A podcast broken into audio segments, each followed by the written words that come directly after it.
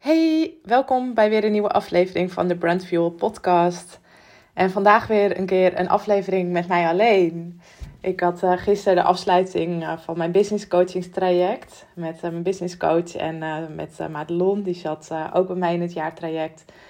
En ik vertelde aan hun dat ik een beetje een drempel voelde om weer eens alleen een podcast op te nemen, omdat ik de laatste tijd meer interviews doe. Waarop Madelon zei: Ik mis echt een podcast met jou alleen. Ik wil weer een keer eentje horen van jou. Dus, uh, en stiekem heb ik er eigenlijk ook wel zin in. Dus ik dacht, ik ga lekker weer eventjes uh, wat leuke topics bedenken om, uh, om het met jou over te hebben. En ehm, waar ik het vandaag met je over wil hebben is het schrijven van je website copy. Want ik was gisteren met een klant in gesprek en zij is zelf copywriter. En uh, zij zei, Lian, ik heb even kaders nodig. Ik weet gewoon niet uh, wat ik moet schrijven. Kun je me eventjes op weg helpen? En um, toen zei ik ook tegen haar van, ja, grappig dat ook zelfs jij hier moeite mee hebt. Want zij heeft ontzettend veel websites geschreven. Weet heel goed waar ze voor staat. Uh, heeft een hele duidelijke visie. En toch liep zij ook tegen uh, nou ja, tegen de muur aan van, oh, nu moet ik uh, over mezelf gaan schrijven en uh, ik weet eigenlijk niet waar ik moet beginnen. Dus ik dacht, ik ga met jou delen wat ik ook met haar deelde, omdat, ja, omdat dit gewoon een probleem is waar bijna iedereen die een website gaat maken tegenaan loopt. En of je nou met een copywriter gaat werken of niet, uh, er zit gewoon heel veel lading op het vastleggen van je website content. Want kennelijk voelt dat toch als iets van: oh jee, dan, dan schrijf ik dat op en dan zet ik dat in de wereld en dan ligt dat vast. Nou ja, laat ik vooropstellen dat dat natuurlijk niet waar is. Want um, dat is het mooie van je website. Die kan continu met jou meegroeien. Dat kun je continu blijven aanpassen, wijzigen, upgraden. Um, nou ja, hè, hoe dat dan ook uh, voor jou voelt. Um, en bij mij is een, het proces van een website maken eigenlijk ook ja, een proces. Um, dat duurt vaak wel een maand of drie, vier. Uh, met name ook omdat dat copystuk toch echt uh, vaak een hiccup is, wat gewoon wat langer de tijd nodig heeft. Maar wat dus ook betekent dat als we in januari starten en je website wordt in uh, mei opgeleverd, dat er in die aantal maanden natuurlijk vaak ook alweer zoveel is gebeurd. Dat soms die kopie die je in januari of februari hebt geschreven, in mei alweer niet helemaal klopt.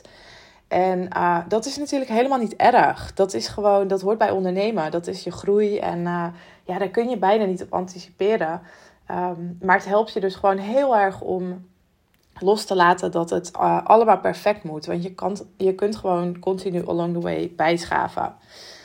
Um, nou, wat mij uh, heel erg helpt om even in die flow te komen van uh, nou ja, helderheid in je hoofd scheppen, maar ook weer even in die huid kruipen van jouw ideale klant, is gewoon eventjes opschrijven wat hun pijnen en verlangens zijn.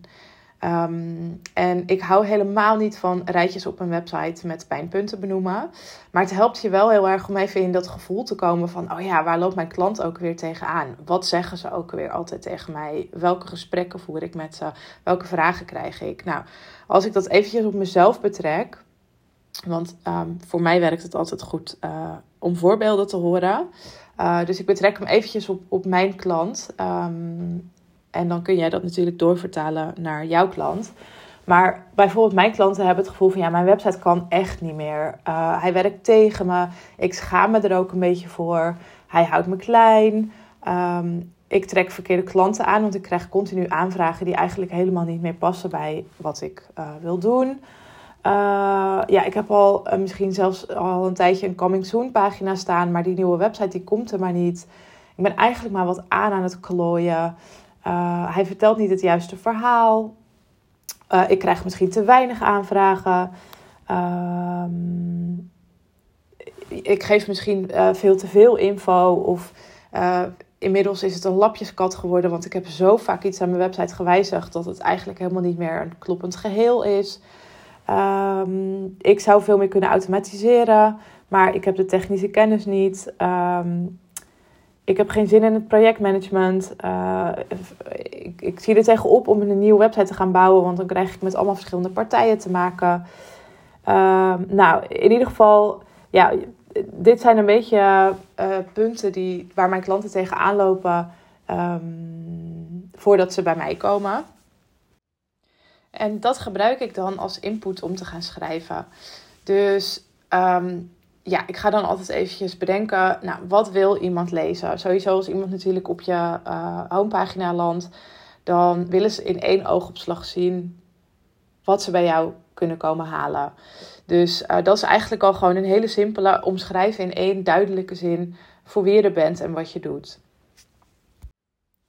Nou, die kun je vervolgens uh, gaan doorvertalen naar bijvoorbeeld jouw visie op je vak.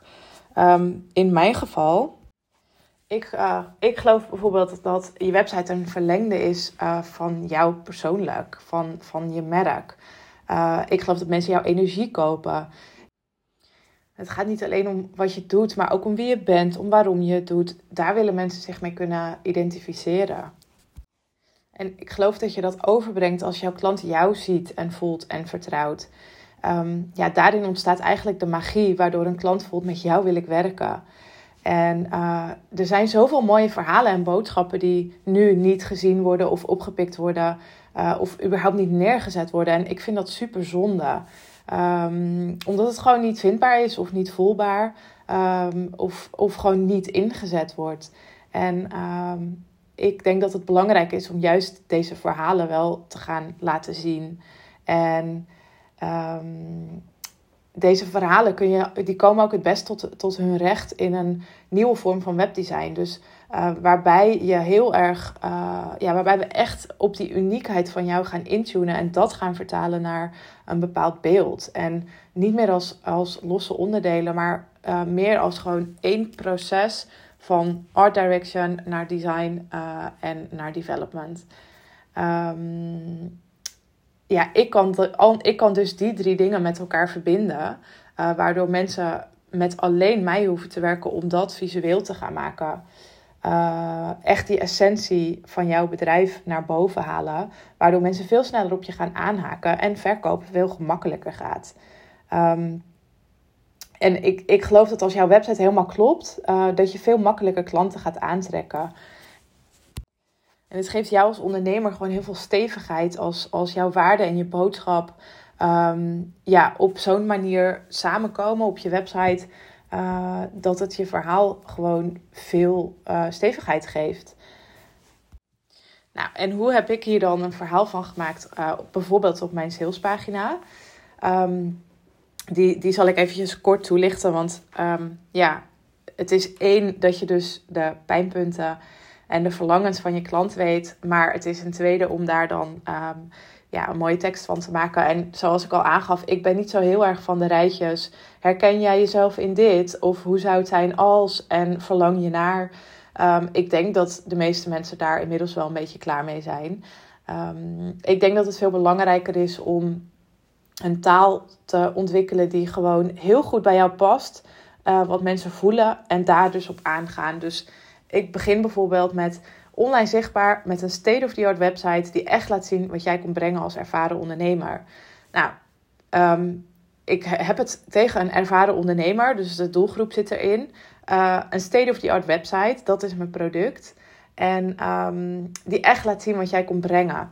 Dus ja, in deze zin weet je eigenlijk meteen: uh, dit gaat over mij, ja of nee. En ik pak hem dan door, dus uh, door te zeggen: je bent een ervaren ondernemer. De afgelopen tijd ben je snel gegroeid. En als je nu naar je website kijkt, dan herken je jezelf er eigenlijk niet meer in. Je schaamt jezelf misschien er een beetje voor. Je wilt graag een nieuwe, maar waar begin je? Nou, that's where I come in. Um, en dan uh, heb ik wat reviews. Uh, dan heb ik wel een klein stukje met: we zijn een goede match als. Um, omdat daar ook weer, dat heb ik dan wel puntsgewijs gedaan, uh, omdat daar gewoon een stukje herkenning in kan zitten. Um, en dan uh, licht ik een stukje toe over mijn werkwijze. Wat dus eigenlijk heel erg gaat over een bezield proces waarbij er ruimte is om echt tot ontwikkeling te laten komen wat jij te vertellen hebt. Um, maar dit is een voorbeeld uh, van hoe ik het heb gedaan als ik hem bijvoorbeeld weer eventjes terugpak naar mijn klant van gisteren. Um, nou ja, ik noemde net al even, zij is copywriter, maar zij gaat een nieuw bedrijf uh, starten uh, als de kleurstylist. En ehm, ja, haar visie op haar vak is uh, dat een kleuranalyse is echt een investering in een vaardigheid. Een nieuwe manier van kijken. En het is een duurzame investering voor jezelf, je team en je klanten. Um, nou, zij is dus een kleurstylist die zich uh, meer richt op, uh, op bedrijven, dus op teams. Um, en uh, zij zegt ook van als professional is het ultiem belangrijk dat je harmonie en energie uitstraalt.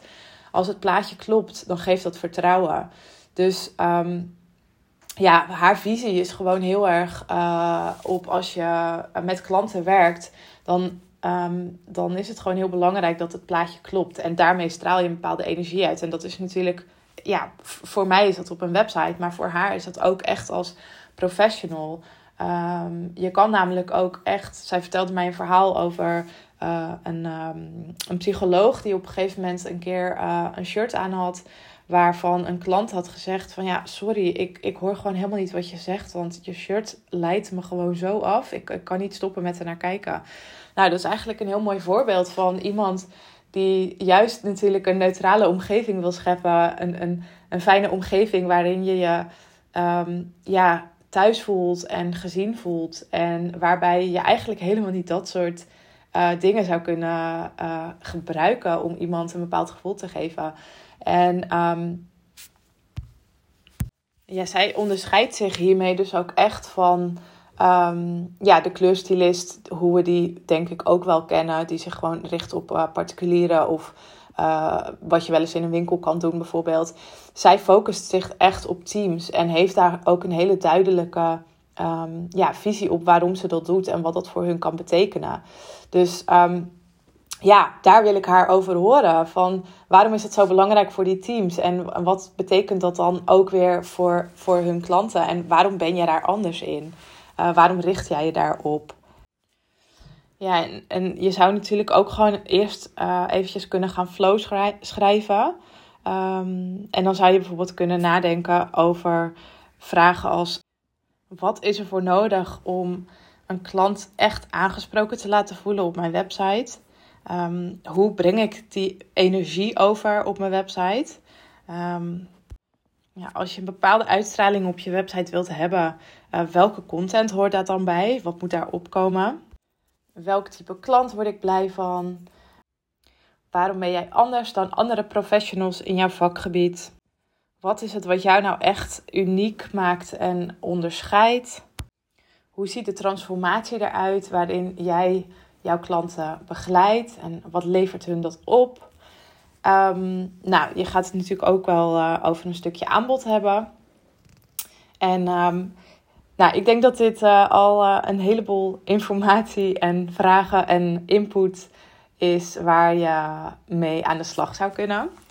Um, zit jij in de fase dat je hiermee bezig bent en uh, denk je, nou Lian, uh, ik zou het eigenlijk stiekem best wel lekker vinden om even een kwartier met jou hierover te kunnen sparren. Um, laat me dat vooral dan eventjes weten. Stuur me gerust een, uh, een DM op Insta. Dan kijk ik graag even met je mee. Um, ja, hoe ik, hoe, hoe ik je misschien hier een beetje mee in de juiste richting kan sturen. Een beetje kan inspireren zou het sowieso heel leuk vinden als je laat weten als je luistert.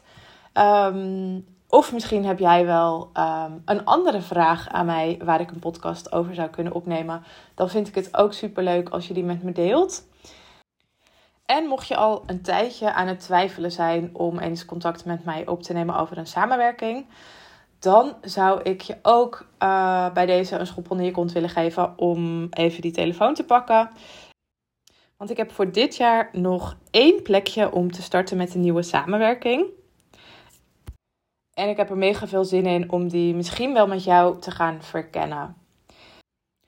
Ik zal in de show notes even een linkje naar mijn Calendly toevoegen. Dan kun je daar meteen een afspraak inplannen als je voelt: yes, the time is now. En dan hoop ik je snel te spreken.